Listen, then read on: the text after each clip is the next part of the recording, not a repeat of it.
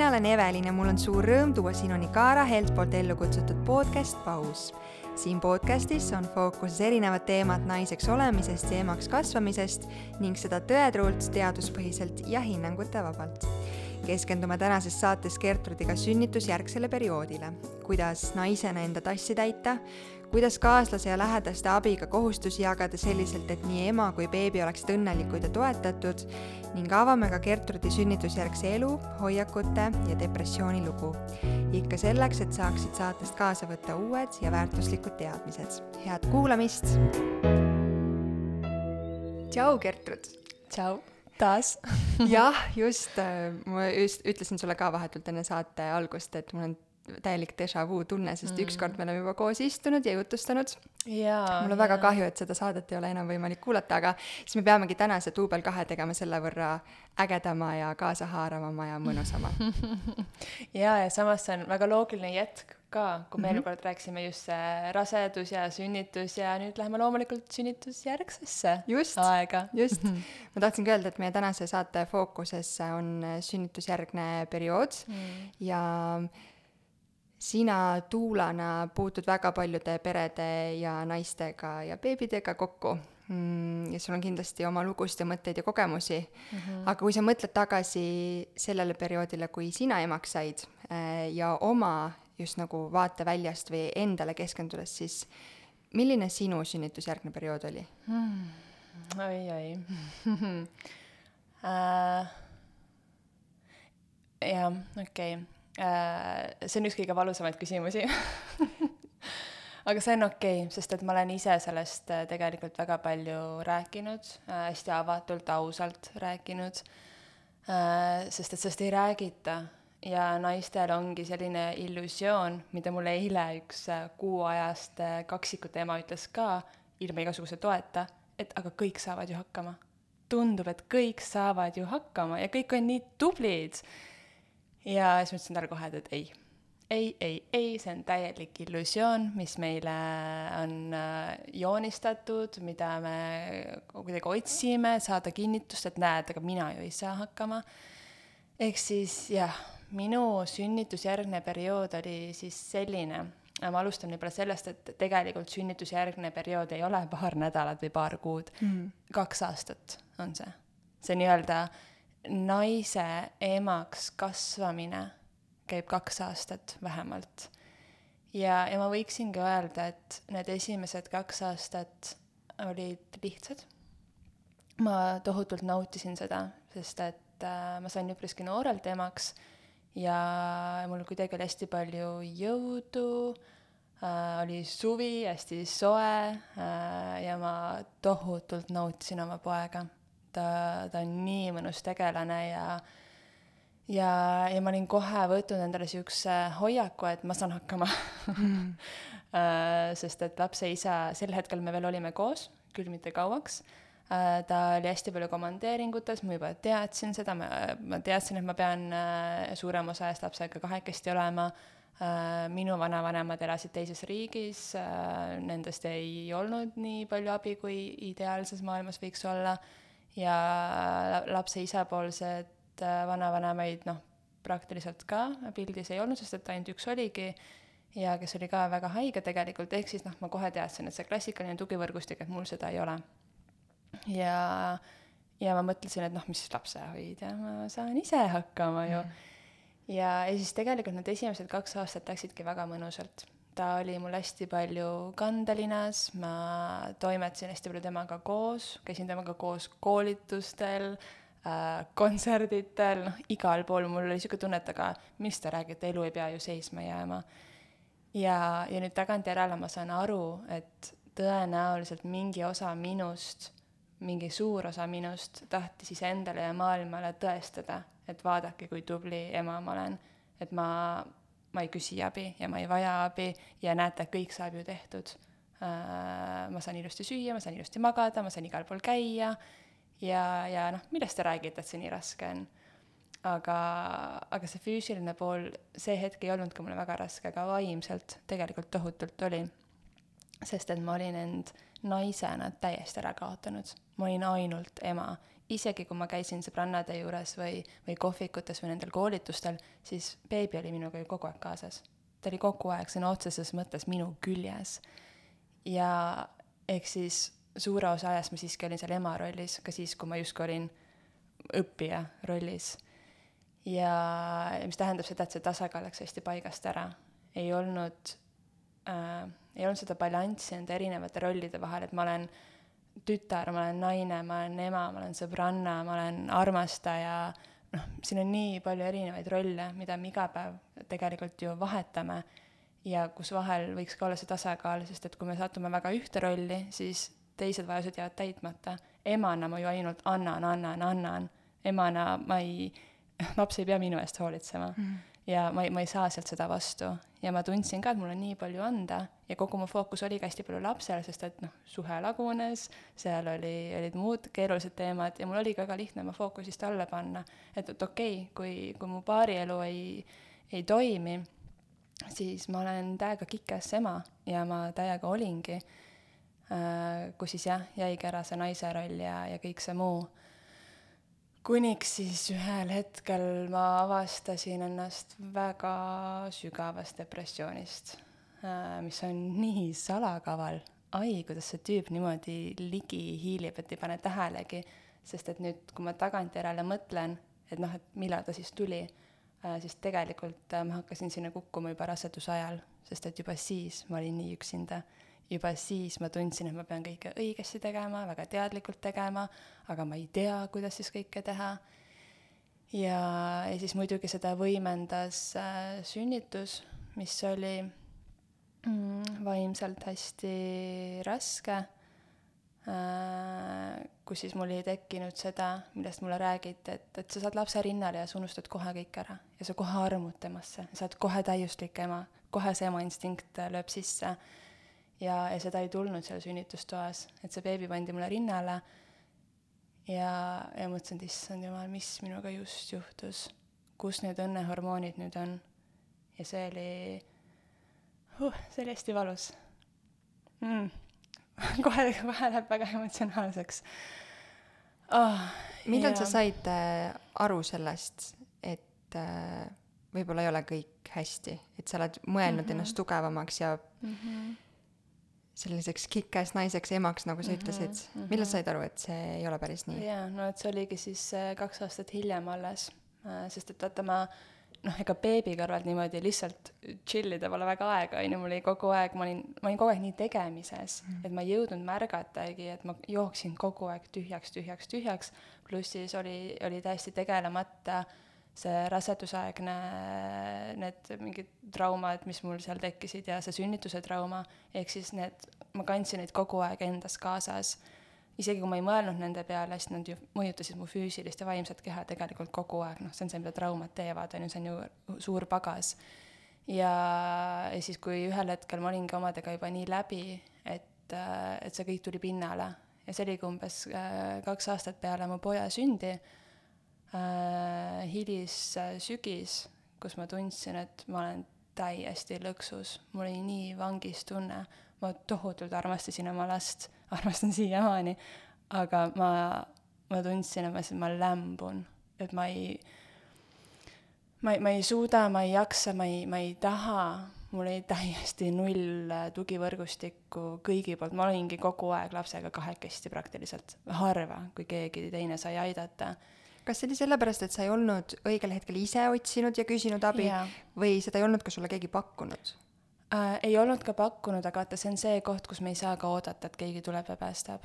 et igaüks peab ikkagi ise vastutama äh,. kuigi noh, ma eeldasin ka, et küll inimesed tulevad ja aitavad ja ja küll sünnitusel mind hästi koheldakse ja kätel kantakse ja minu esimene beebi ju, aga seda ei olnud, on ju, ehk siis äh,, ehk siis jah, ei saa eeldada et keegi tuleb ja, ja päästab.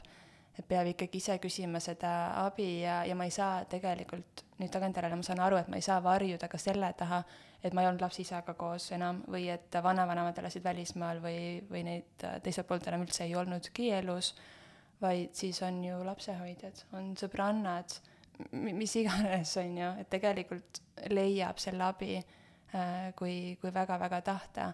Muidugi ühel hetkel on see, et, et endal on ressurss nii läbi, et tekibki see survival mode lihtsalt, kus see probleem, see, see valu, see masendus on nii suur, et me ei näegi enam lahendusi. noh, see on ka loomulik, et inimestel niimoodi juhtub. ja see oligi see, mis siis juhtus, et ühel hetkel see pilv oli läinud nii suureks, et ma, ma ei näinud enam väljapääsu.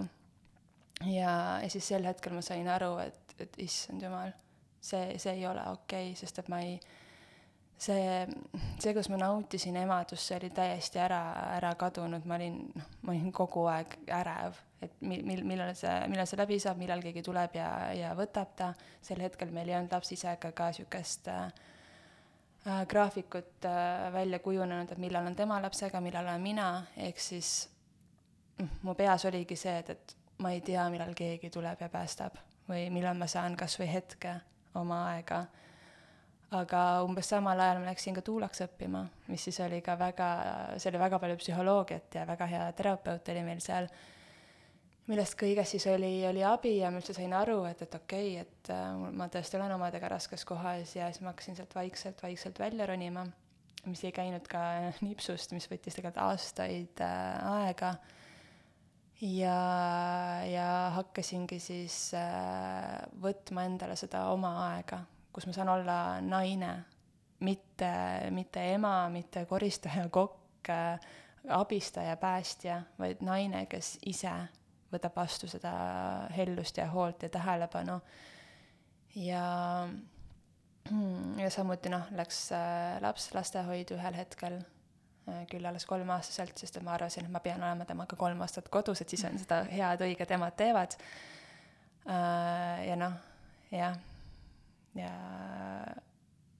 ja kui päris aus olla, siis äh, hetkeks ma arvasin, et, et oh, et nüüd on kõik hästi, aga, aga tegelikult äh, äh, see ajukeemia oli ikkagi nii tugevasti juba mõjutatud äh,, et tegelikult lihtsalt vahepeal mõned aastad olid sihuke okei okay oli olla.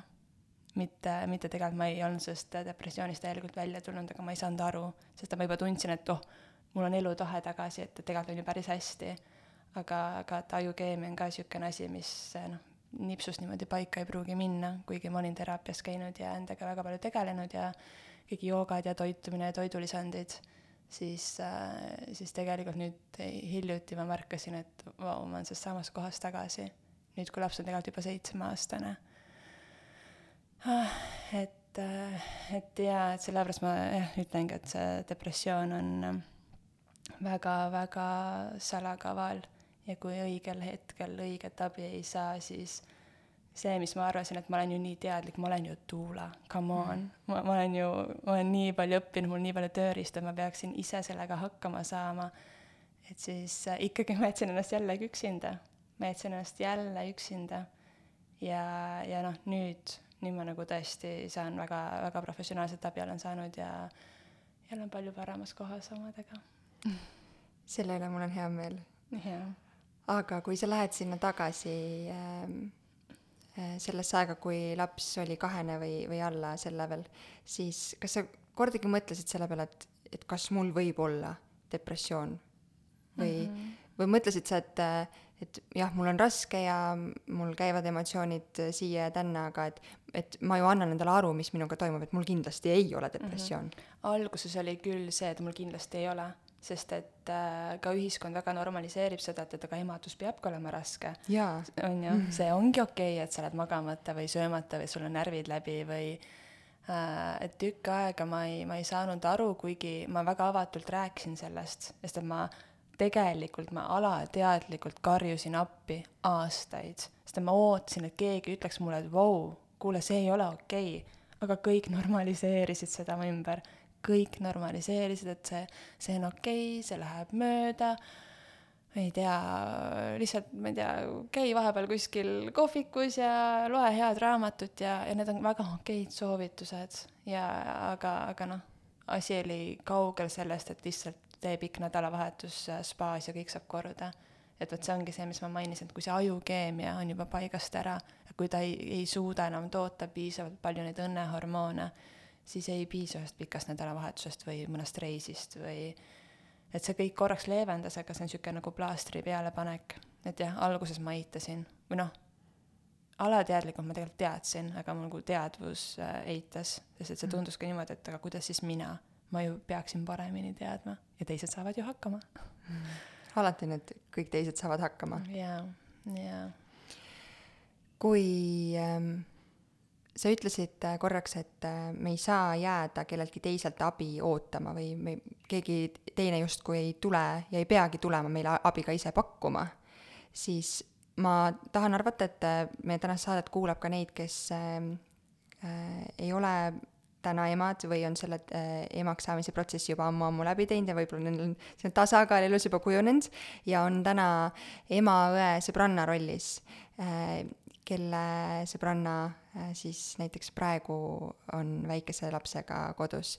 kuidas me kaaslastena, olgu siis ema, õde, sõbranna, kes iganes, saame toetada neid naisi, kes on äh, äsja emaks saanud või, või lapse saanud mm. -hmm. väga hea küsimus mm,. ma jah, selles suhtes ma tahan ka kohe täpsustada seda, et me ei saa oodata, keegi tuleb meid päästma, kuigi tegelikult võiks, on ju. eriti need lähedased inimesed, nad võiksid märgata, aga samas me ei saa ainult selle peale jääda lootma, eks ole, me ei saa oodata, et keegi nüüd imeväel tuleb ja paneb selle lusika mulle suhu ja annab mulle süüa või, või annab mulle rohte või, või sunnib mind magama, kuigi on ka selliseid lähedasi, kes seda teevad. ja ma arvan, et äh, see ongi see, mm, kuidas, kuidas see lähedane ring võiks toetada, et number üks, mitte ainult küsida, kas beebil läheb, sest see on see, mida küsitakse, on ju, kas beebi magab, kas beebi sööb, kuidas beebil on, aga, aga et kuidas emal on, et päriselt küsida, et kuidas sul päriselt läheb, mis praegu sinu elus hästi on ja samas, mis on need kohad, kus on veits niisugust äh, struggle, mis see Mhm. eesti väljakutseid. jah, jah, kus, jah, mis on hetkel need väljakutsed ja, ja mitte küsida, mida, mida ma võiksin sinu jaoks teha, sest harva inimesed vastavad seda. harva on see, et kuule, please tule pese mu pesu ära või please tule, tule tee mulle süüa või, või please mine jaluta mu lapsega, vaid lihtsalt öelda, et näe, ma käisin poes ja ma, ma ostsin sulle ka süüa või äh, või et aa, muuseas ma, ma ei tea, ma vaatasin, sul on siin pesuresti peal, et ma panen kappi ära, mulle meeldib asju kappi panna või, või et ma nüüd, ma nüüd võtan su beebi ja ma lähen jalutan temaga. sest et nii raske on, on seda abi küsida ja seda vastu võtta tegelikult. ja meil tekib niisugune vale häbi sellega. aga, aga tegelikkuses on see, et, et inimesed tunnevad ennast nii eriliselt, kui nad saavad aidata ja ja see on tegelikult win-win mõlemat pidi, et nii sellele emale, kes väga vajab seda abi, kui siis ka sellele aitajale, et, oh, ma sain tõesti, ma sain heateo teha. ja see on nagu see, et, et kinkimise rõõm, on ju. et isegi kui ma ise seda kingitust ei saa, aga see, et ma saan teisele inimesele selle anda, ma ise valisin selle välja, ma näen ta silmis seda rõõmu, et see samamoodi, see on nagu noh, win-win olukord mõlemale. et lihtsalt ise brutaalselt peale minna ja et nüüd ma tulen ja aitan ja õnneks mul on sellised sõbrannad. sest mul ka pikalt mu käest küsiti, et kas keegi saab kuidagi midagi aidata ja mul on alati selline tunne, et aga ei saa, ma ei, mul on iga päev abi vaja, et kui ma lapsega üksinda olen, et kuidas keegi siin midagi saab aidata. aga juba need väikesed asjad, et, et keegi reaalselt toobki ukse taha süüa või, või lihtsalt, lihtsalt tuleb ja võtab mu kaisu, kui mul on väga-väga raske päev olnud. et nüüd, nüüd juba õnneks minu sõbrannad teavad, et kui ma ütlen ei, et siis seda ei tasu tõsiselt võtta. Vot see on see ingliskeelne see väljend, et mm, issand, kuidas see on, ma mõtlen siis eesti keeles, et põhimõtteliselt, et see üksindus või et kurbus naudib üksindust et me jätamegi ennast üksinda, siis ongi niisugune tunne, et ma olen üksinda, ma olen eraldi, keegi nagunii ei mõista, aga kõik mõistavad. tegelikult kõik mõistavad seda tunnet ja tuleb avatult rääkida. ise praegu kolmekuuse beebiga kodus olles ja kuigi vot võib-olla ma vaatan kunagi tagasi sellele ja mõtlen, et äh, ma öeldes, et kõik on lihtne, kõik on hästi, püüdsin alla suruda mingeid emotsioone, mis võib-olla olid, aga ma tõesti täna tunnen, et kõik on hästi ähm,. aga eh, see, et keegi tuleb ja voldib su pesu kokku või keegi võtab beebi ja läheb temaga jalutama, siis minus on see tekitanud kas või kui mu abikaasa ütleb, et ta võtab, et ma toidaksin lapsel kõhu täis ja ta võtab beebi ja läheb jalutab temaga ise, siis minul hakkab kohe peas see häirekell, nii, okei okay,, mul on siis poolteist tundi või kaks tundi vaba aega, ma pean pesu pesema, pean süüa tegema, pean koristama ja mingi hetk, see oli, ma ei tea, ma arvan, et kümnes, viieteistkümnes kord, kui jälle seesama olukord oli, kus mu abikaasa läks lapsega jalutama, ja siis ta ütles, et kuule, aga stopp, see aeg ei ole selleks, et sa saaksid koristada või et sa saaksid mida iganes teha, võta see aeg, et mine vanni või maga mm. või võta see raamat, mida sina oled tahtnud lugeda, et võta see aeg päriselt endale, need tolmurullid, noh, nad kogunevad seal toanurgas veel, aga ei ole hullu, kui nad on seal kaks päeva veel. et sellest ei juhtu mitte midagi.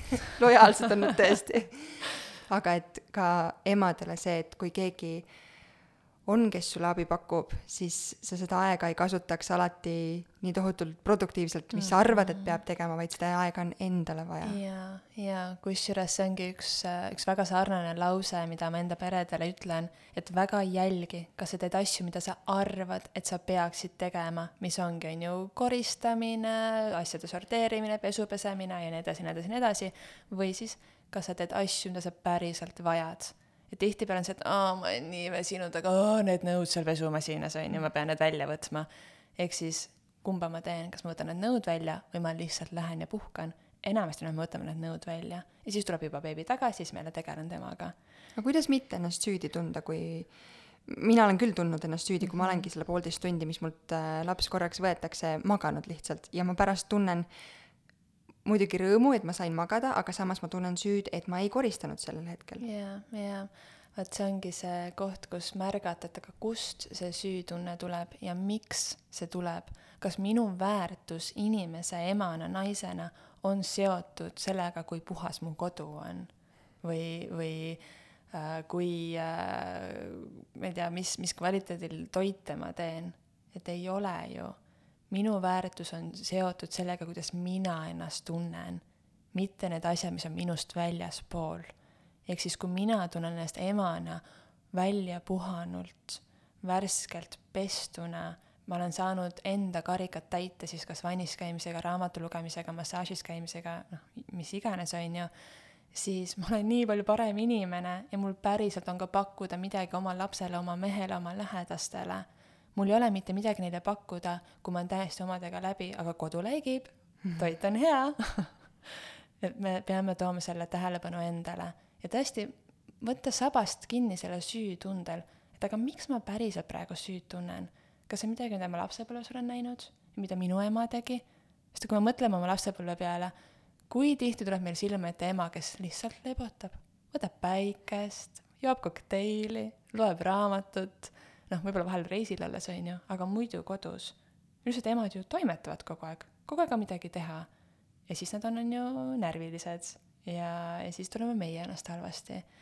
ja, ja siis me võtame sellesama mustri endale kaasa. et märgata, mitte autopiloodi peal kogu aeg toimetada ja mitte uskuda enda mõtteid.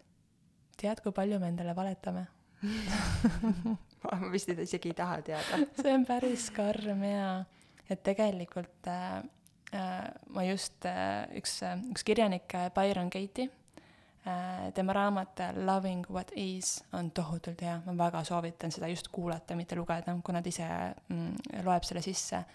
ja ma just hiljuti kuulasin temaga ühte podcast'i, kus ta ütles nii ilusa tsitaadi, et päris maailm on nii palju ilusam kui see maailm, mis meie peas on ja see niimoodi hittis mind, sest see on see, mis ma ise ka, kõik mu sõbrannad kogu aeg ütlevad mulle, et ma olen hea ema, ma olen, üritan täiesti üle oma varju hüpata, mida kõike ma enda poja jaoks olen teinud, aga ikka mina tunnen, et ma ei ole piisavalt hea. see on ka minu depressiooni väga suur põhjus olnud, et üks asi jah, see pole seda tugivõrgustikku olnud, aga teine asi ka see minu sisekõne, et ma ei ole piisavalt hea, piisavalt ilus, piisavalt tark, piisavalt piisav ja, aga samas ma ei märka seda, et, et kui äge poeg mul tegelikult on, mida ma talle üksinda kõike olen pakkunud, kuidas ma olen öö, üksinda karjääri teinud tuulana, üksinda oma last kasvatanud, samas oma sõbrannadel olemas olnud, enda füüsilise tervise eest hoolitsenud, enda vaimse tervise eest ja ma olen tegelikult seda kõike jõudnud. aga samas, kui ma kogu aeg mõtlen, et, et ei, see ei ole piisav, see ei ole piisav ja fookus on ainult sellel, mis on valesti, mis on veel tegemata, siis tulebki sealt see süütunne ja siis ma hakkan seda ju uskuma. meie alateadvus ei taha mitte kunagi, et me eksiksime. mitte kunagi, mida iganes ma usun, ma hakkan sellele otsima kinnitust. kui ma usun, et ma ei ole piisavalt hea ema, siis nüüd koolis, äh, kui mu laps sai oma elu esimese märkuse, õnneks ma olin sellel äh, hetkel heas kohas omadega ja ma märkasin ka seda märkust, ma võtsin seda nagu humoorikalt, sest et tegelikult see, et minu poeg saab märkuse, see ei ole mitte mingisugust pistmist minuga see oli tema asi, mida tema seal tegi, nad lihtsalt ei viitsinud kunstitunnis kaasa teha ehk siis tegelikult ei midagi hullu ja ma saan ka aru, miks ta ei viitsinud, sest et nad mitte ei maalinud, ta, ta on väga osav tegelikult äh, kunstis, aga nad mängisid mingit lauamängu, siis ta oli nagu mingi what, ma tahan nagu kunsti teha mm. -hmm. ja siis noh, talle ei meeldinud see, on ju. ehk siis äh, õnneks ma olin omadega heas kohas ja ma ei võtnud seda isiklikult, lihtsalt tema sai selle märkuse, mitte mina. aga oleksin ma olnud halvas kohas oleksin ma seda kohe isiklikult võtnud. Jälle, et näe, ma ei ole piisavalt hea ema olnud, ma pole enda last piisavalt hästi kasvatanud, nüüd kõik õpetajad näevad seda, nüüd see märkus on tegelikult mulle, mitte minu lapsele, ja, ja noh, nii see läheb, on ju, sest et kui ma usun, et ma pole hea ema, siis ma hakkan igalt poolt otsima seda kinnitust ja see märkus oleks väga hea kinnitus, aga näe, ma ei olegi hea ema. isegi kunstiõpetaja ütleb, et ma ei ole hea ema. Ma tundsin nii ära või sa tõid mind natukene maa peale selle mõttega, mida sa jagasid, et äh, kui palju me oleme oma emasid näinud lihtsalt lebotamas, nautimas aega, kokteiliklaas käes või teetass äh, peos ja mm -hmm. lihtsalt olemas olnud. minu ema on ka see, kes kogu aeg on askeldanud ringi ja, ja neid hetki, kus ta on lihtsalt nautinud äh, olla või võtnud selle aja, et olla, on minu teadvusest temast väga vähe mis äh, nüüd, kui sa seda ütlesid, ma tun-, tundsin ennast väga ära selles, et, et ähm, ma arvan, et kõik lapsevanemad tahavad olla kuidagi paremad vanemad, kui tema vanemad talle olid. ja ma ei ütle üldse, et minu vanemad oleks halvad olnud, nad on suurepärased vanemad, aga alati on neid asju, mis me saaksime paremini teha mm. -hmm. ja praegu jäin mõtlema, et kas minu vanemad on kunagi nüüd mõelnud, et äh, nad oleksid saanud ise teistmoodi teha. kuidagi lihtsalt huvitav äh, mm. -hmm huvitav mõte, kuidas äh, sellised perekonnamustrid äh, tihti tulevad kaasa, just see, justkui see normaalne, et emad toimetavad ringi alati ja jooksevad äh, ringi kõikide asjade taustal mm. -hmm, mm -hmm, ma tunnen, et me kuidagi ühiskonnana äh, langeme mis tahes teemadel äh, väga äärmustesse, et on ainult õiged ja valed ja sellist tasakaalu justkui ei olegi ja samas me ütleme, et äh, kõiges tuleb leida tasakaal, et see ongi edu või elu võti ähm,. mis ma olen täna emana näinud ka rohkem, et äh, järsku ülistatakse tohutult neid naisi, kes töötavad samal ajal, kes jõuavadki samal ajal koolitustele, laps kandelinas või vankris kõrval, kes äh, saavad kolm korda päevas täisväärtuslikku toitu söödud, kellel on pesu alati puhas ja tolmurulle ühtegi nurgas ei ole. ja siis on äh, need emad, kes on sada protsenti võtnud aja, et pühenduda oma lastele ja neile kas vaadatakse kuidagi, kas siis vastupidi jälle ka väga ülistavalt, et vau, sa suudad seda teha, et mina küll ei suudaks, ma tahaks ka neid ja neid asju te teha laste kõrvalt. või siis vaadatakse, et ah, kodune ema, et mida mm. -hmm. ma olen täna olukorras ise, kus äh, ma arvasin, et ma saan kõigega hakkama, ma saan teha podcast'i, ma saan teha tööd, ma saan oma lapse eest hoolitseda, ma saan oma abikaasa eest hoolitseda, kodu on korras alati. ei saa ja ma täna otsin väljapääsu, et äh, küll teha seda podcast'i suurepäraselt edasi, aga nautida rohkem seda aega lapsega mm. -hmm. miks, mis sa arvad, miks me ülistame neid äärmusi? või mida me saame teha selleks, et äh, kuidagi neid äärmuslikke Äh, äärmuslikkusid olukordi vältida mm. -hmm, mm -hmm. ma arvan, me ülistame sellepärast, et meil ongi see uskumus, mis sinu lausest ka välja käis, et aga alati, alati saaks ju paremini. ehk siis äh,, ehk siis ongi see tunne, et, et me juba inimestena sellistena, nagu me sündisime, et me ei ole piisavad, et kogu aeg on vaja midagi enamat.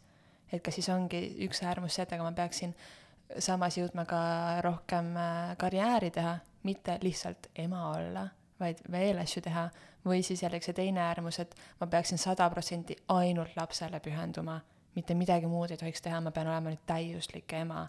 et tõesti, need mõlemad on äärmused ja ka seal jah, vahel seda tasakaalu leida. ja ma arvan, et me, et miks me seda teeme, noh jälle kõik läheb tagasi lapsepõlve, on ju. hetkel ma olen jõudnud oma elus sinna, et kõik läheb tagasi lapsepõlve. et just, et mida me oleme, mida me oleme näinud ja, ja, ja see, noh, see ongi see piisavuse teema, et tihtipeale me tunneme, et me ei ole piisavalt sellistena, nagu, nagu me oleme. ja me peaksime sooritama kuidagi veel kõrgemalt, veel paremini. ja mis siis tähendab, et me oleme kogu aeg justkui selles hetkes, et miski ei ole piisavalt hea, mina ei ole piisavalt hea, mis tähendab, me oleme kogu aeg puuduses, me oleme kogu aeg seal negatiivses pooles, me märkame ainult neid puudusi, versus see, et vau, vaata, kui hästi ma teen Äh, kuskil ma just lugesin, et see, et ma eile suutsin anda ainu-, ainult endast kuuskümmend protsenti, oligi minu eilne sada protsenti. ja see on, oh, see on nii hästi öeldud ja, ja täiesti niimoodi, niimoodi ongi. ja, ja kui ma päris aus olen, siis ma arvan, et see on ka pisut siukse modernse naise müüt, et on olemas mingi tasakaal. pigem on see lihtsalt integreerimine, et hetkel ma olen suures osas ema ja vahepeal ma pikin siia vahele mingeid tööasju. või siis, nüüd on juba laps juba nii vana, et ma olen väga palju teen tööasju ja siis pikin sinna vahele neid emaduse asju. et see, need ongi need erinevad rollid ja, ja nüüd esimese paari aasta jooksul sealt hullult otsida mingit tasakaalu. Seal on nii palju seda kaost nagunii ja seal tuleb lihtsalt lõdvestuda kaosesse ja tuua ennast esimesele kohale. et kui minu vajadused on täidetud, siis on ka lapse vajadused täidetud, siis mul üldse on talle midagi pakkuda. et kui mina olen õnnelik, on minu perekond õnnelik. see on minu selle seitsme aasta, kui ma olen ema olnud, kõige suurem õppetund olnud. Alguses ma rääkisin seda ka, või noh, siiamaani ma räägin oma peredele, et kui sünnib beebi, et siis vaat sinu õnnelik on beebi õnnelik. ja seda ma nagu teadsin, seda ma oma beebi kõrvalt justkui nagu tegin ka seda, ma tundsin ennast tegelikult õnnelikuna, ma nautisin seda emadust. aga ma unustasin selle täiesti ära, et, et seesama valem kehtib ka siis, kui laps on seitsmeaastane või viieaastane. et see ei ole ainult siis, kui ta on beebi. ja, ja nüüd, kui ma olen hakanud jälle tooma ennast esimesele kohale, mitte enda poega, meie dünaamika on täiesti muutunud. ta on nii palju rahulikum. lihtsalt kujutad sa ette, kui ma panen ka siis selle paarikuuse beebi, paariaastase lapse, seitsmeaastase lapse vastutama iseenda õnne eest. sest tegelikult see on see, mida me teeme, kui ma tõstan lapse esimesele kohale. sest et kui laps on õnnelik, olen mina õnnelik. ma olen iseendale, oma terapeudile ka öelnud, et kui, kui Trevon on õnnelik, siis olen mina õnnelik. aga ei, miks, miks, see ei saa olla niipidi. et ikkagi vastupidi, sest et laps, ta ei vaja neid sada protsenti orgaanilist toitu, kõige keemiavabamaid, ainult puidust mänguasju. respekt muidugi nendele emadele või vanematele, kes mm -hmm. suudavad seda kõike luua, aga mm -hmm. ma arvan, et ma väga vabandan, et ma sulle vahele segasin, aga ma lihtsalt tundsin, et, et me tihti nagu mõtleme sellele, mida teised meist mõtlevad ja sellepärast yeah. teeme seda, et sellepärast me Instagrami postitame, kuidas oi, minu laps saab ainult mahetoitu ja minu laps mängib ainult neutraalset värvi äh, puidust äh, mm -hmm. mänguasjadega, on ju. et see on justkui nagu endast kuvandi loomiseks, mida teised meist arvavad. aga peaasi on, et sa enda sees leiad selle rahu, et see on yeah. see tasakaal, nagu sa ütlesid, et seda justkui nagu võib-olla see modernse naise nagu mm -hmm. selline märksõna, et äkki seda ei olegi vaja või seda mm -hmm. ei ole, mhm. aga et sa endaga teed rahu, et see, mida sa täna endale, oma lapsele, oma perele mm, -hmm. lähedastele pakud, et mm -hmm. sulle endale on see sobiv just, sest et see on see energia, mis edasi kandub ja ma olen seda kõike teinud, ainult orgaan-, orgaanilist toitu, tükk aega ei saanud ühtegi, ei saanud valget suhkur, gluteeni, noh, mitte midagi sellist, on ju, kõik oli nagu parimate parim ja, ja noh, siin ma nüüd olen, on ju, et see, need on meeletud ootused, mis me endale emana paneme äh,. et samamoodi tulles tagasi selle küsimuse juurde, miks on üks äärmus või teine äärmus, et need ongi need ootused, kas ma panen endale ootuse, ma pean olema superkarjäärinaine samal ajal, sest et mis mõttes ma olen ainult ema justkui, on ju, mis on täiesti okei okay., aga noh, kui see on see lugu, mida ma endale räägin, on ju, mhm. või siis jällegi vastupidi, et hästi kõrged ootused, et ma pean olema nüüd täiuslik ema ja siis me me jääme nagu sõltuvusse selleks, sellest, nagu sellest loost, mida ma endale räägin, et ma pean veel ja veel ja veel ja ma pingutan ja ma pingutan ja ma olen kogu aeg kas siis minevikus või siis tulevikus. et mida ma minevikus valesti tegin ja mida ma tahan tulevikus nüüd paremini teha, mis on okei okay,, on täiesti okei okay olla, äh, kui meil on ambitsioonid, me tahame asju paremini teha, aga kui me seejuures unustame ära praeguse hetke ja ma ei ole tänulik selle eest, mida ma praegu juba väga hästi teen, siis mis kasu sellest kõigest muust on? mis kasu on sellest, et ma olin temaga kolm aastat kodune, andsin talle ainult orgaanilist toitu, kõik oli justkui nagu nii, nii õige, nii öko kui võimalik, kui mina seejuures olin tegelikult sügavas depressioonis. ma arvan, et oleks hea meelega vaadanud multikaid ja söönud, ma ei tea, makaroni, kui samas tal on õnnelik ema. lapsel on jumala suva, kas need tolmurullid seal on või mis karjääri ema teeb või või kas see toit on nüüd äh, orgaaniline banaan või tavaline banaan. lapsed vajavad õnnelikke emasid. ja see ongi see koht, kus vaadata peeglisse, et aga mis mind teeb õnnelikuks. muidugi me oleme rõõmsad, kui meie lapsed on rõõmsad ja terved, absoluutselt. aga jällegi see tähendab, et ma panen selle vastutuse endast väljapoole. mida ma ise saan teha, mis teeb mind õnnelikuks ma isegi annan oma peredele niisuguse koduse ülesande raseduse lõpus, kui me räägime sünnitusjärgsest ajast ja teeme pla-, plaani selle jaoks, et tehke endale list, mees ja naine mõlemad, kui nad kirjutavad vähemalt kümme asja, mida nad saavad beebi kõrvalt teha, mis siis on nende oma see kvaliteetaeg mm nii hea mõte mm. -hmm. ja et nad panevad selle kuskile näiteks külmkapi peale, öökapi peale, kuskile, kus nad seda päriselt ka kogu aeg näevad ja teevad neid asju pigem niimoodi kogu aeg seda karikat kas või natukene, kas või selle paari tunni kaupa täita, on ju, kui, kui see, et, et, et oodata, et oh, kui ta kunagi lasteaeda läheb, et no küll ma siis hakkan elama, on ju. noh, ei, niimoodi ei saa. ma pean äh, natukene põhjendama põhjendama seda, ähm, et äh, mõnes eelmises saates äh, ma olen ka elanud tohutult tulihingeliselt kaasa sellele, kuidas äh, saatekülalised on rääkinud, kuidas nad laste kõrvalt äh, töötavad ja kiitnud takka ja, ja mu-, absoluutselt mm, ma olengi uhke ja mul on hea meel nende naiste üle. ma olen uhke ka täna enda üle, ma olen uhke sinu üle, Gertrud, aga ähm, miks ma pean põhjendama, on see, et ma kuulasin üks päev ühte teist podcast'i ja ähm, ühes saates saatejuht äh, jaatas kaasa ja kiitis takka ühte teemat ja järgmises saates oli täiesti selle teema või sellesama teema nagu vastand seisukoht külalisel ja ta kiitis jälle takka. ja siis ma mõtlesin, et noh, saatejuhina ma ise tean, et et väga raske on näiteks viia läbi intervjuusid, milles on teema võib-olla selline, milles sa ise väga sina peal ei ole või et sa oled äärmuslikul seisukohal, aga äh, lihtsalt see tundus mulle selle saatejuhi puhul nagu natukene kummaline, kuidas ta eile äh, oli siis ühe äh, äärmusega nõus ja järgmisel päeval teise äärmusega nõus, aga nagu enda võib-olla selgituseks ongi see, et äh, nii nagu ma enne ütlesin, siis ükskõik, kas sa oled töötav ema või sa oled kodune ema, kas sa ma-, pakud mahetoitu või sa ei paku mahetoitu, siis peaasi on see, et et ma elan täiega kaasa nendele naistele, kes suudavad ise olla õnnelikud oma valikutes mm. -hmm. et kui sa tahad olla töötav ema beebi kõrvalt, väikese kõrvalt tööd teha, siis you do you, sa oled täiega äge ja yeah. kui see, äh, kui sinu enda tass on täis, sa jaksad seda äh,, pere on õnnelik, siis muidugi tee seda mm. -hmm. kui sa tahad ainult beebiga olla, nagu mina tahan täna olla, siis ma arvan, et see on ka okei okay ja seda mm -hmm. peakski lubama endale ja tegema seda.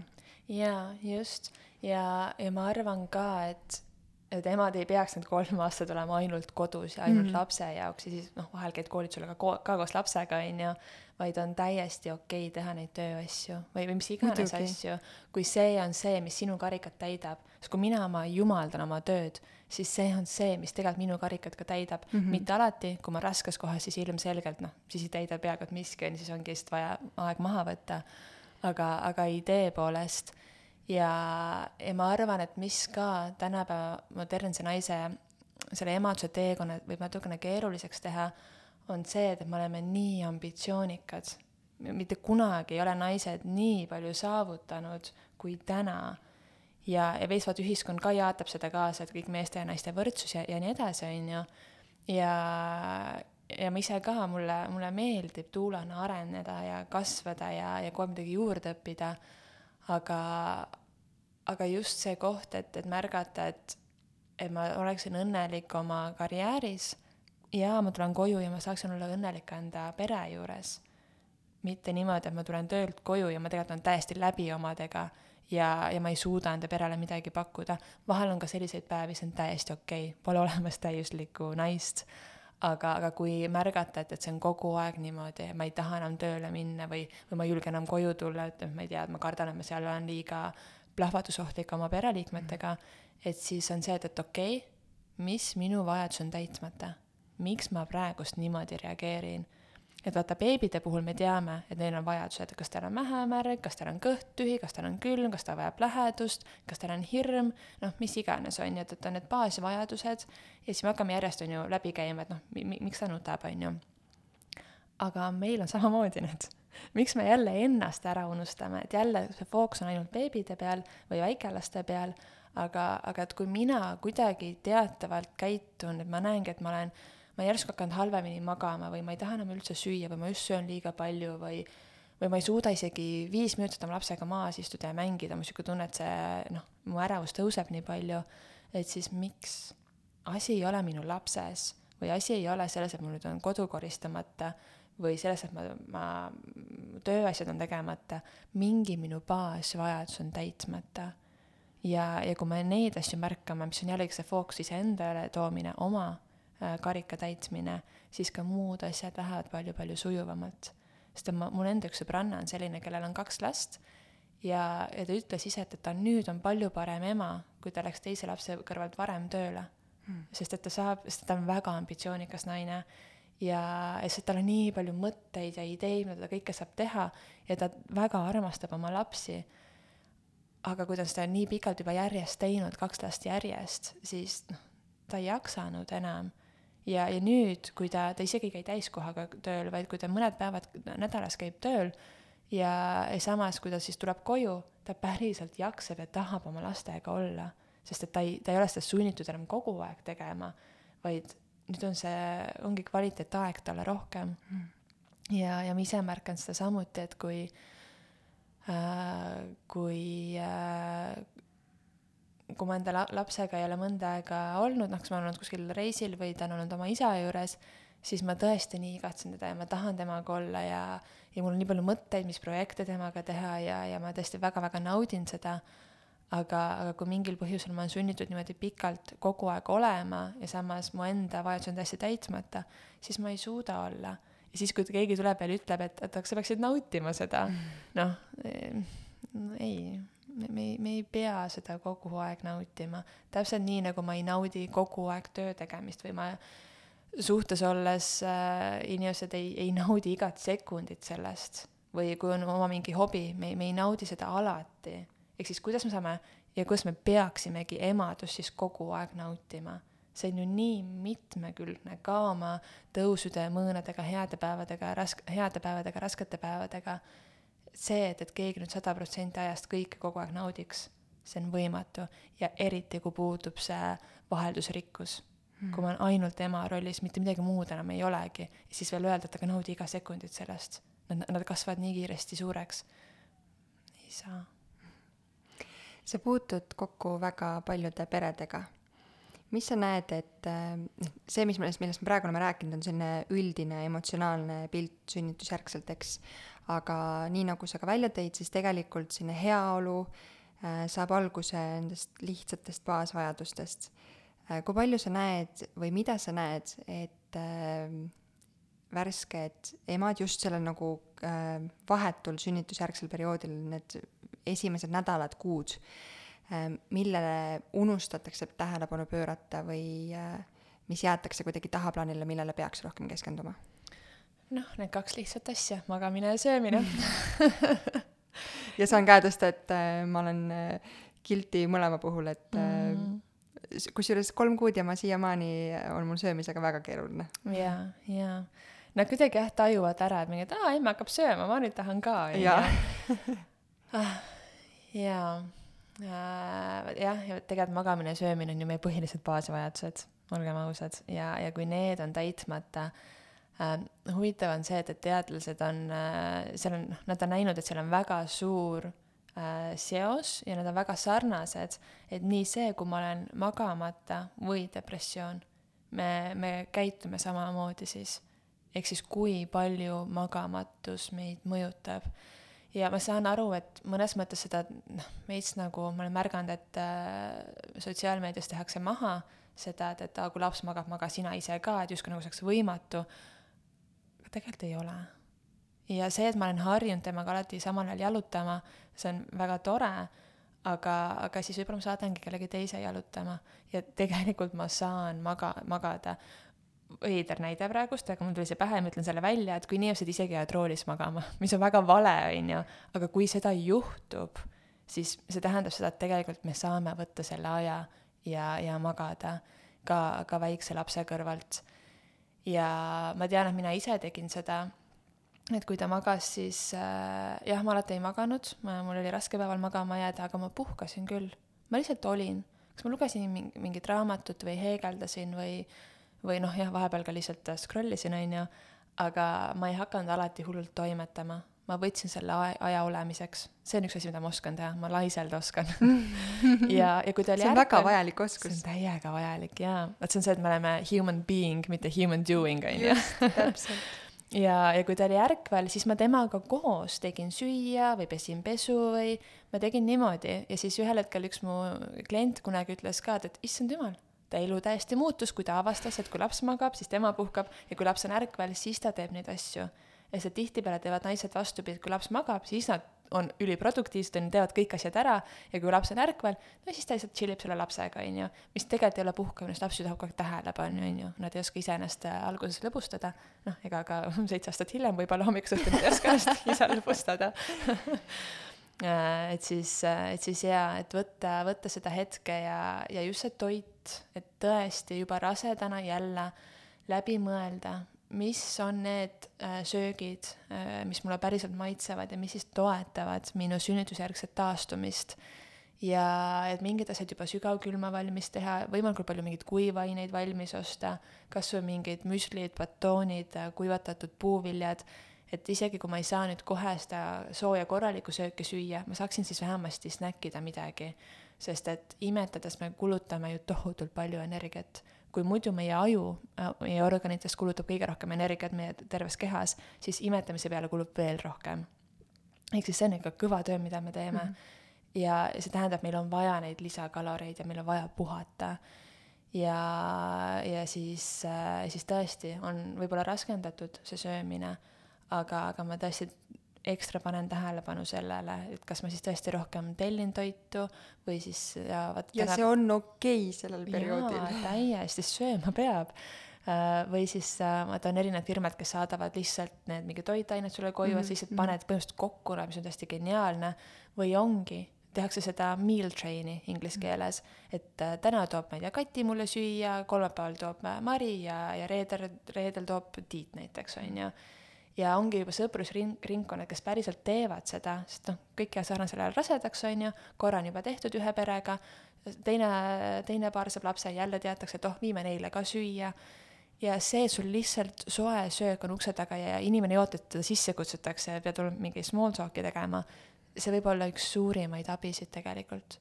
aga jällegi, kas ma julgen seda küsida? juba raseduse ajal tasub tõesti mõelda selle toidu peale, et kuidas, kuidas ma saan söönuks sest et me vajame rohkem neid kaloreid ja, ja samas mitte ainult neid kaloreid, vaid ka keha juba on raseduse läbi teinud, me juba oleme kaotanud nii palju vitamiine mineraale. Ja nüüd läbi imetamise ma, ma jätkan seda kaotust, et tihtipeale tänapäeval, kui naine on rase, ta teab, et oh, ma olen rase, ma hakkan nüüd võtma mingeid raseduse vitamiine või kuidagi käin joogas ja hoian ennast ja see on hästi tore, see on nii tore, et tavaliselt Eesti naine rasedana tõesti ta hoiab ennast ja ta on üpriski teadlik. aga siis sünnib laps ära ja siis on sihuke tunne, et no nii, nüüd on ainult beebi, nüüd on vaja beebit elus hoida ja jällegi me unustame ennast ära ka kõige lihtsamate asjadega, nagu ongi need vitamiinid ja mineraalid. et nende võtmine ei peaks lõppema sünnitusega. peale sünnitust just veel eriti on vaja neid edasi võtta. Gertrud, kus sa olid kolm kuud tagasi ausalt oh. oh. Ehm, ma, tunnen juba, et, et, ma peaksin suu kinni panema, et mina räägin liiga palju siin saates et see on sinu saade. aga kui sa lubad, siis ma räägin ühest oma murest. sest äh, ma jagasin oma mure mõned nädalad tagasi oma sotsiaalmeediakontol ja mitte, et ma kuidagi, et mõtleksin ennast suureks või et mul oleks tohutult palju jälgijaid, ei ole absoluutselt, aga nendest, kes mul on äh, väga head tuttavad, sõbrannad äh,, lihtsalt väga lahedad inimesed, kes, kellega meil on vastastikune selline austus ja jälgimine sotsiaalmeedias, siis kirjutasid, aa, Eveli, mul on täpselt samamoodi ja kui ma guugeldasin, siis ma ei leidnud mitte midagi selle kohta. ühesõnaga, minu probleem algas äh, siis sünnituse või sünnitusjärgselt, kui ma koju sain ja täpselt nii, nagu sa kirjeldasid, kui ma rasedaks jäin, siis esimese asjana ma tõttasin apteeki, ostsin endale rasedusaegsed vitamiinid, ma teadsin, et foolhappe näiteks on tohutult oluline ja ja väga mõtlesin sellele, mida ma endale suhu pistan ja nii edasi ja siis ma sain koju haiglast oma beebiga ja ilmselgelt kõik käib ümber beebi ja beebi, beebi, beebi ja sa oled selles mullis ja oluline on, et tal oleks kõik hästi.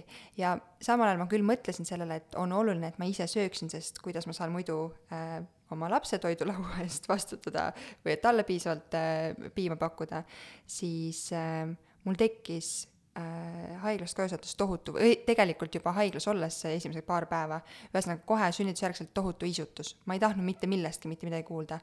Kõik asjad, mis enne olid mul silmad särama pannud, sushi, jess, ma tahaks sushit, ei, pasta mm, -mm, äh, avokaadovõileib, ma ei tahtnud mitte midagi sellest kuulda, ühesõnaga ma ei tahtnud mitte ühtegi asja süüa, ainus, mis tänaseni mul silmad särama paneb, on riisigaletid. no see on nagu, nagu noh, sööks mingit penoplasti põhimõtteliselt. Et äh, terve kodu on mul ka muidugi nende riisigaleti puruga täidetud, aga ja ma arvan, et äh, laps oli kahe poole kuune nüüd siis mõned nädalad tagasi, kui ma sain aru, et tegelikult see ei ole normaalne, et mul ei ole mitte ühegi asja vastu isu. Ja ma hakkasin uurima ja siis ka postitasin sellest äh, sotsiaalmeediasse, et kas keegi äkki on midagi sarnast kogenud. Ja ol-, oldi küll, aga eh, siis lihtsalt vastus oli see, et ah, küll see üle läheb. muidugi ma ei oodanud ka mingisugust spetsiifilist tagasisidet, sest minu, need, kes mulle vastasid, ei ole ka vastava valdkonna spetsialistid. mistõttu ma pöördusin arsti juurde, et lasin teha kogu terve vere screening'u ja ma ootasin, arvasin, et nii palju, kui Google oli mulle vastanud, et mul võib olla kas äärmuslik B6, B12 või tsingi äh, puudus, mis kõik olid korras mm, -hmm. aga mul oli väga äärmuslik või siiamaani on rauapuudus. Yep.. ja ähm, mul on alati olnud verega kõik korras, mul oli ka rasedusaeg, ma tean, et muidu rasedad vist võtavad ka rauda tihti juurde. tihtipeale, jah. aga mul oli sellega kõik raseduse ajal korras. Mm. Ja küll aga ma tead, tean, et ma kaotasin sünnitusel keskmiselt veidi rohkem verd. Mm.. ja noh, ise ma ei taha arvata, et ma olen loll inimene, noh, kuigi võiks olla elementaarselt tulla selle pealt, kui sulle öeldakse, et sa verd kaotasid, siis võib-olla võiks olla kohe automaatselt selline mõte, et äkki ma peaks rauda võtma, aga tõesti, kõik keerles ümber beebi, ma ei mõelnud yeah. sellele, mulle keegi ka seda otse nina alla tulnud ütlema, et Evelin, palun võta nüüd rauapreparaate mm. -hmm. ja nüüd, kui ma testi andsin ja sain selle tulemuse, kui madal mu hemoglobiin ja rauatase on, siis äh, see oli šokeeriv mm. -hmm. ja nüüd ma tegelen sellega aga ma siis ka uurisin, et äh, äärmuslik rauapuudus võib tekitada äärmuslikku isutust yeah.. mis ilmselt ma loodan, et see on see põhjus ja nüüd ma saan selle kontrolli alla äh, oma ravi jätkates. aga ma tunnen, et sellised nagu väga olulised asjad, mis äh, ja millega tundub, et väga palju puutuvad kokku, aga jälle kuskil ei räägita mm. -hmm, et me kuidagi yeah. elame kõiki oma probleeme hästi enda sees läbi. jaa, selline tunne, et kellelgi teisel neid ei ole, me jätamegi ennast mm -hmm. kogu aeg üksinda, et ainult minul on see keegi nagunii ei mõista, on ju. aitäh, et sa jagasid ja ja raud on tõesti üks klassikalisi, mis, mille tase langeb ja mida peaks hiljem äh, edasi võtma ja kusjuures, mis veel äh, väga ta-, ma-, madala rauatasemega on seotud, mitte ainult see isutus, vaid ka meeleolu kõikumine. et igas sihuke, ma ei, ma ei saa öelda, et päris depressioon sellest tuleb, aga, aga masendus kindlasti, sest et kui kui meil pole kehas piisavalt palju rauda, siis meil on ka jõuetus, meil on ka hapnikupuudus võime mingi, mingil määral olla, kuna hemoglobiin äh, viib ju kehas edasi ka hapnikku mm. -hmm ja, ja kui meil ongi sihuke jõuetus, pearinglus, peavalu, isutus, siis ega ei olegi väga hea tuju. ja noh, niimoodi ta ja võib... kergesti ärritumine, mis ma enda puhul ja, näiteks äh, tõdesin. jaa, täpselt äh,. et see, et see tõesti, jällegi asja, mida me nii normaliseerime, on ju, et sa oled uus ema, sa oledki väsinud kogu aeg. aga ei peaks võib-olla nüüd nii äärmuslik see, see olema ja, ja teine asi, mis, millest ka väga palju ei räägita, aga mis võib äh, tekkida, on, et imetamise ajal võib hakata naistel iiveldama hoopis. et jällegi, kui mm. räägitakse, et, et imetamine on nii ilus ja nii mõnus ja sa väga-väga naudid, siis ilmselgelt igal naisel see ei ole niimoodi. esiteks, see võib alguses on ju valulik olla, mida see tegelikult ei peaks olema. kui keegi ütleb, et see on normaalne, et sul on nibud katki ja sa tahad mööda seina üles ronida, sul on nii kohutavalt valus, see ei ole okei okay., kindlasti mitte. Ma siiamaani kuulan, et seda täitsa professionaalid ütlevad, et see on okei okay., kümme sekundit võib olla tundlik, mitte kauem ja see kümne sekundi tundlikkus siis imetamist ka... alustades. jaa ja., just, alustades kümme sekundit ja ka mitte kauem kui paar nädalat, üldiselt maksimum kuu aega. kui ikkagi on kauem valus, siis on imetamisvõte vale, beebi saab piisavalt palju piima sealt kätte, naisel on valus ja noh, see ei ole õige, on ju aga ühesõnaga, see oli üks asi, aga ka ehedat võib hakata ka iiveldama, sellepärast et need hormoonid, mida meie keha toodab imetamise ajal, võivad tekitada iiveldust. et kas siis see võib olla midagi, mis muudab imetamise hästi ebamugavaks tegevuseks et jällegi, et me ei saa ennast võrrelda teistega, et aga ju kõik naudivad, kõikidel on see nii hästi, et mul peab ka olema. Äh, et see, et see oli esimene mõte, mis mul tuli, et, et äkki sul oli see, aga noh, juba sa jõudsid ise selle mm., selle rauani jaa, aga ma jagasin ka seda sellepärast, et, et neid äh, muresid ja probleeme on väga paljudel ja väga erinevaid, ma arvan mm. -hmm. aga jällegi seesama küsimus, et kui sõbranna või kaaslane või ema või kes iganes arst, äh, kui küsib ma tean, et me jõuame järgmistes saadetes selleni, et et perearstid ja õed võiksid ka rohkem küsida ema tervise kohta sünnitusjärgselt, mitte ainult sellest, kuidas beebi kasvab ja kuidas tema kaal on ja milline tema pea ümbermõõt on mm -hmm. ja nii edasi ja refleksid, et ka emale keskenduda, aga et kui keegi loodetavasti küsib, kuidas sul on, siis sa päriselt teed oma suu lahti ja jagad ka neid yeah. raskemaid muresid ja võib-olla, mis isegi alguses mul ei tundunud üldse, et mul lihtsalt pole isu, jumal, väga tore, kaalul järjest number kukub, väga positiivne yeah., aga kui see lõpuks äh, nagu hakkab konkreetselt nii väga igapäevast elu segama, sellepärast et sul ei ole piisavalt palju riisikalette sahtlis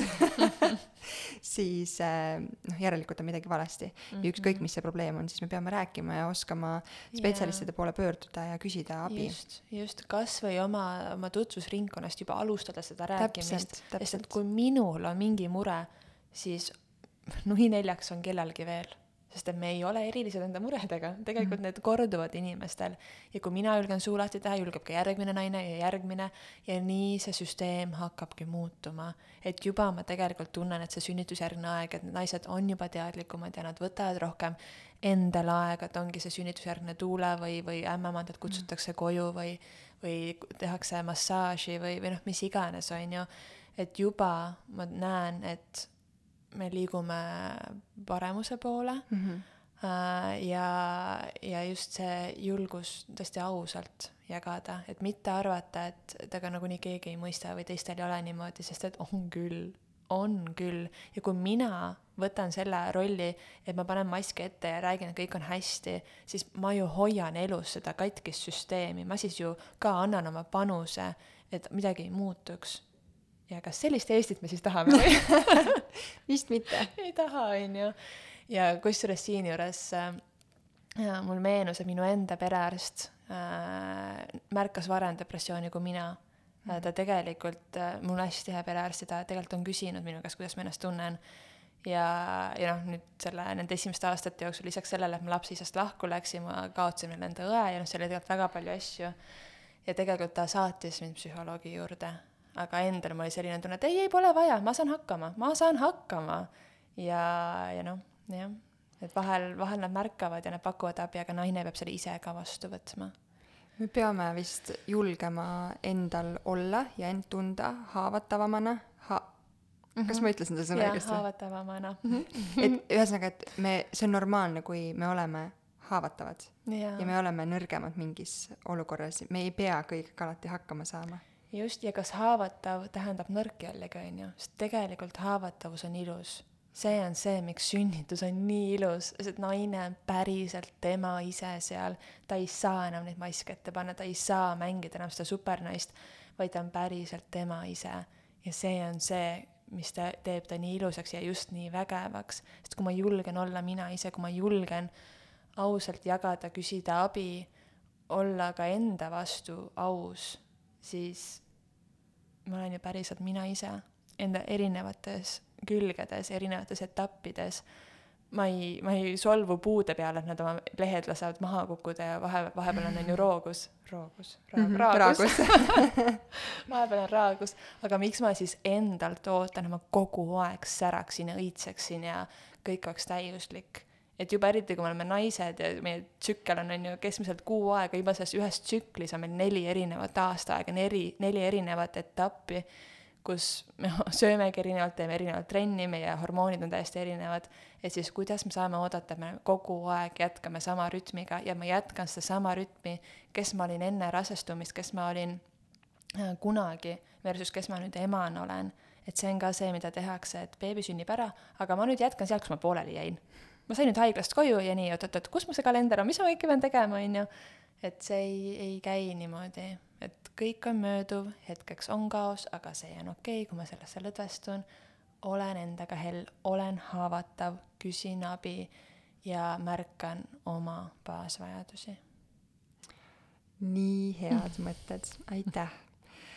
enne kui me selle saate lõppu veeretame, siis äh, sa tõid välja selle, et äh, juba raseduse ajal äh, sünnitusjärgseks perioodiks valmistuda saab sellega, et koguda koju kõike maitsvaid äh, toiduaineid ja täisväärtuslikke toiduaineid mm. -hmm. aga kui me selle toitumise juurde korraks veel, ma tean, et tuulad väga palju ka just spetsiifilisemalt nagu toit, toit, toitumisega ja nende, selle teemaga vist puutuvad kokku, kui ma ei eksi Uh, ma ei tea, võimalik. ma kusjuures ma arvan, et ähm, et võib-olla sinu postitustest ja ka äh, mõned teised tuulad, keda ma olen jälginud ja kokku puutunud, siis mul on tunne, et äh, hästi palju pannaksegi rõhku sellele just nii rasedusaegsele kui sünnitusjärgsele toitumisele, et et kuidagi tundub, et see on oluline, nii nagu sa ütlesid, magamine ja söömine, eks.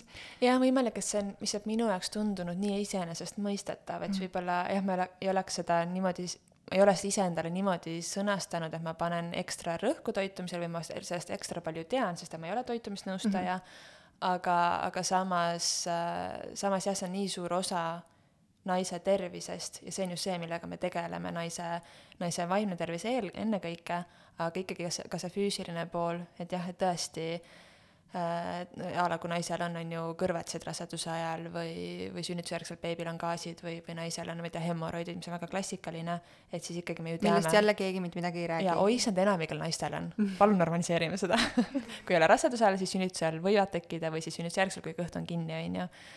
aga, aga ühesõnaga jah, et, et, et tõesti tuulad lähenevad nii holistiliselt ehk siis mitmekülgselt, et see ei ole ainult see, et, et need on ägedad sünnitusasendid, hinga niimoodi, siin on sünnitusplaan ja off you go, palju õnne, edu.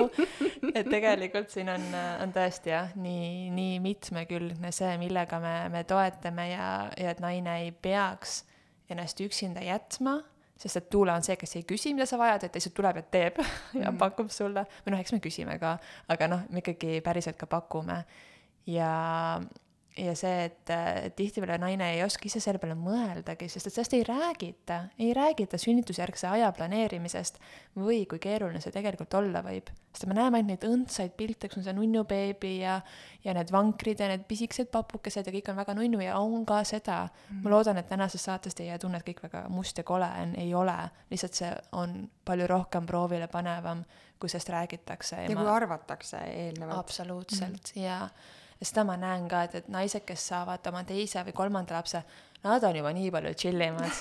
Neil on juba täiesti ükskõik, kas see on nüüd meriinovill või, või on see lihtsalt puuvill või mis asjad need on ja kas see nüüd orgaaniline või mitte, nad võtavad nii palju lebomalt ja nende kodud on palju rohkem sassis, aga nad on õnnelikumad ja beebid on rahulikumad see on nagu üks asi, mida ma olen tuuledes näinud, et teised ja kolmandad beebid on nii palju rahulikumad kui esimesed tihtipeale, sest et need esimesed beebid tunnevad, et nemad peavad maailma päästma, vanemad õnnelikuks tegema ja nüüd sooritama, sest kui ema tunneb, et tema peab sooritama, olema see täiuslik äh, ema, siis ju ka beebi tunneb seda mm.. see ei ole ju võimalik, mida ma omast kogemusest väga hästi tean, palun anna mulle andeks mu poeg.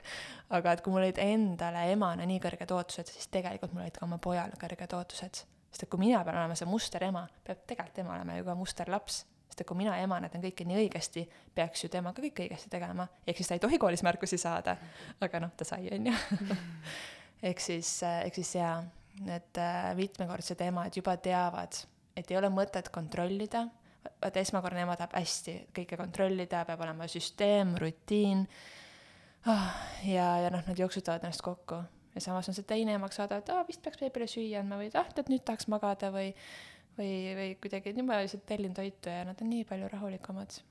Tead, mul on tunne, et ma olen vist äh, veetnud aega õigete inimeste seltsis ja kuulanud õigeid podcast'e, lugenud õigeid raamatuid, sest ma, ma olen natukene ikkagi pigem, mitte natukene, vaid ma olengi pigem seda usku või, või suunda läinud äh, oma teekonnal, et äh, ma nagu vaatan jooksvalt, kuidas on, et kui äh, kui tundub, et laps tahab süüa, siis ma annan, ma ei jälgi kella täpselt äh,, mul on okei okay,, kui võib-olla toidueelarve läheb äh, lõhki, sellepärast et liiga palju sai Wolti või Bolti tellitud ja nii edasi, et et kuidagi nii, nagu sa ütlesid, vähem kontrollimist, vähem ootusi ja rohkem ja. seda hetkes olemist. jaa, sest et kõik on mööduv, ka need kõige raskemad ajad, et see on, on, on mööduv ja, ja see möödub kiiremini, kui ma võtan enda tiimi inimesi, kes aitavad mul sellest läbi tulla. sest kui ma üksinda pusin, mul läheb palju kauem aega ja milleks seda teha. ja minu arust väga hea, mis sa just ütlesid selle toidu eelarvele, et kui see läheb lõhki, on ju, jälle omast kogemusest, et ma ei võtnud seda lapsehoidjat, sest ma olin üksik ema, kus ma selle raha oleksin võtnud, noh, see oli mu see mõte, et ma, see ei ole võimalik, ma pean hakkama saama, aga mida ma nüüd oma peredele ütlen, et te maksate nagunii. Kas sa maksad siis rahaga, et sa tellidki toitu, koristaja, võtad tuule ähm,, mis iganes, on ju, lapsehoidja, või, või siis sa maksad oma närvidega oma suhtega nii või naa kuskilt midagi annab lõpuks järgi, kui me ei hoia ennast. Sinuga on nii põnev rääkida, ma ei taha seda saadet üldse kuidagi lõpetada, kas sa võid mulle lubada, et me teeme veel ühe saate? palun jaa, ma tunnen ka, et nii palju olulist on veel rääkida. Kusjuures sa, sa ütlesid äh, selle väga hea mõtte välja, mis äh, ka ringleb väga palju, ma olin ka seda korduvalt enne kuulnud, et kõik raske on mööduv. Äh, ja ma ei saanud, tähendab, see kuidagi tundub, et muidugi noh, kui sa mõtled seda nagu selge peaga, et kõik raske on mööduv, siis muidugi, et kõik rasked hetked ju alati nagu lähevadki üle ja tuleb parem ja ilusam päev asemele. aga ma ei saanud päriselt sellest enne aru, kui ma sünnitasin ja mul olid tuhud. Ja siis ma, mu ainus mõte äh, tänu Anu Pillavile, kelle joogatundides ma olin käinud ja, ja kuidagi see nagu kehasse selle hingamis ja asendid ja kõik nagu kehasse talletanud, siis mu mõte, mis mul käis, oli kogu aeg see, et see on ainult see mõnikümmend sekundit, minut ja siis see on läbi, siis on puhkus. yeah.. Et kõik raske on mööduv, lihtsalt mul tuli meelde see, et kõik raske on mööduv ja see oli see hetk, kus ma päriselt sain sellest aru jaa, jaa, jaa. aga kui ma tulen korraks, enne kui me päriselt selle saate lõppu jõuame äh,, selleni veel tagasi, et äh, mida me saame lisaks sellele, et me varume, ma ei tea, Äh, kuivaineid ja WC-paberit koju ja ostame mähkmeid lapsele hunnikutes ette. mida me saame veel raseduse ajal juba ette planeerida või teha oma sünnitusjärgseks mm -hmm. ajaks, et oma elu hõlpsamaks muuta? jaa, no oi, siin on palju asju. siit tuleb omaette podcast veel aga noh, niimoodi lühidalt äh, tehes, et noh, esimene asi, mis mulle meelde pähe, hetkel pähe tuleb, on see, see vaimne pool, et päriselt ka partneriga läbi rääkida mis ootused meil on teineteisele, mis äh, ikkagi täpselt nii, nagu me naistena kujutame ette enda pulmapäeva, siis tegelikult me kujutame ka ette, missugune ema olen mina ja missugune isa on tema. aga seni ma tean ju oma partnerit ainult mehena ja ennast ainult naisena, ma ei tea, milline isa ta on, ma ei tea, milline ema mina olen. ehk siis rääkida oma lapsepõlvest, mis mulle meeldis, mida minu vanemad tegid, mida ma tahaks jätkata, mis on niisugused ilusad traditsioonid, aga samas, mis mulle ei meeldinud ja mida ma enda lapsele ei taha teha ehk siis see on üks asi, millest kindlasti rääkida, sest et ka vanemluses on ju väärtushinnangud, mida, mis teed pidi me lähme. Ja kui need äh, partneriga on väga-väga erinevad, siis on päris keeruline. et ühesõnaga enne arutada äh, oma, oma lapsepõlve põhimõtteliselt ja, ja samas rääkida ka üldse sellest, et et ka paarisuhte dünaamika muutub, täielikult muutub, et kui hetkel ma olen oma partneriga kahekesti, siis järsku me oleme kolmekesti või juba neljakesti, mis iganes, on ju, peale igat last see dünaamika muutub ja olen mina uus naine, on tema uus mees. ja jällegi, nii nagu ma ei saa kodus jätkata sellesama vana rutiiniga, süsteemiga, ei saa ka suhe jätkuda täpselt samamoodi, et see on loomulik, et suhet pannakse proovile. ka need esimesed kaks aastat on see kõige keerulisem aeg. et me siis ei arvaks, et issand, kas ma sain vale inimesega lapse, et enne ma nii armastasin teda, enne oli kõik nii tore ja nüüd ajab mind nii hulluks. et see on lihtsalt see, et, et see ongi keeruline ja me ei saa jätkata sama vana süsteemi, vaid ma nüüd saan uut partnerit tundma õppida, uued reeglid teha ja teineteist toetada, et me ei unustaks ära, et me oleme tiimis. me ei ole vastased, me oleme ühes tiimis ja me toetaksime teineteist ja, ja siis ka lähedastega läbi rääkida, et kes saab millega aidata, mis abi ma päriselt vajan. vahepeal on vaja hoopis piirid panna, et lähedased ei oleks nii lähedased, vahel on hoopis vastupidi, et see on liiga lämmatav, on ju. Mm. et siis, et mitte tunda ennast süüdi mõlemat pidi, et kui ma küsin liiga palju või kui ma jällegi ütlen, ütlen liiga palju ei. et juba enne inimestele rääkida, mida ma neilt ootan ja ei oota äh,. ning äh, kindlasti mõelda selle peale, et kuidas mina saaksin kõige paremini taastuda, üks asi on jah, see toit, on ju, aga, aga et ongi sünnitusjärgne massaaž või pengungi sidumine, äh, füsioteraapia, osteopaadi külastamine, kui on keisrilõige olnud, siis kindlasti akupunktuuri minek, et seda armiravi teha.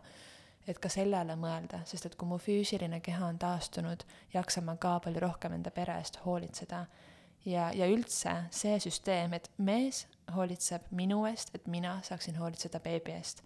niipidi võiks see minna, et ei ole mõtet alguses oodata, et me teeme mehega kõik fifty-fifty, see on võimatu.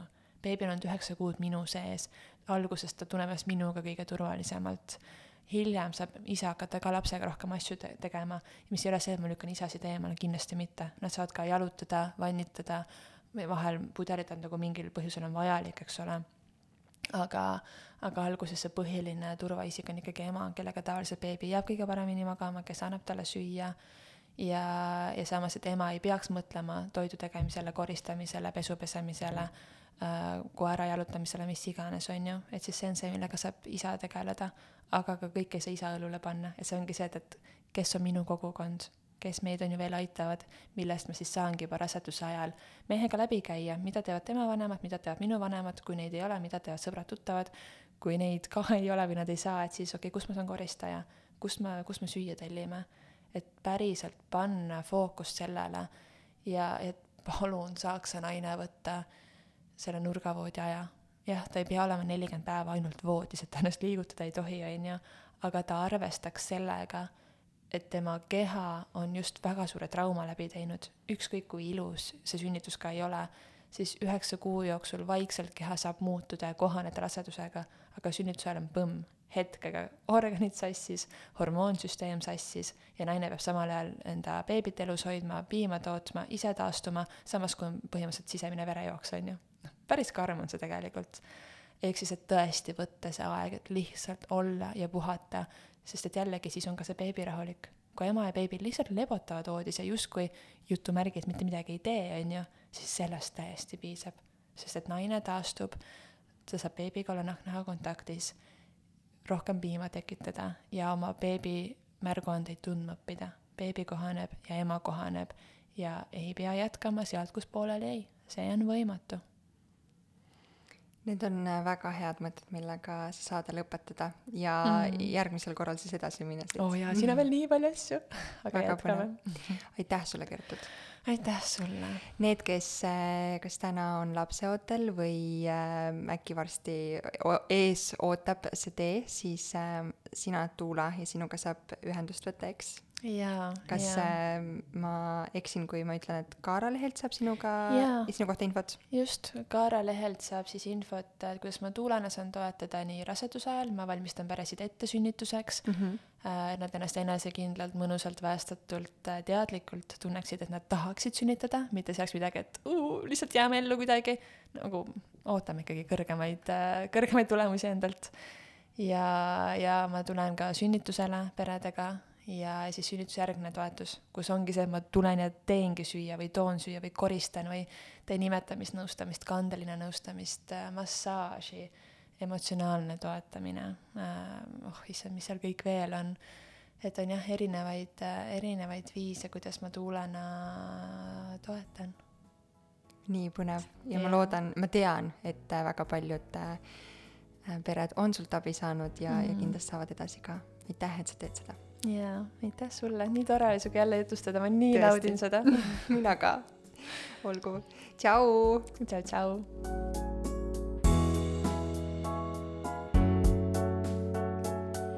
saate toob sinuni Kaara, naiste tervise ja heaolu edendaja rasedus- ning emadusperioodil. vaata lähemalt kaarahelts.io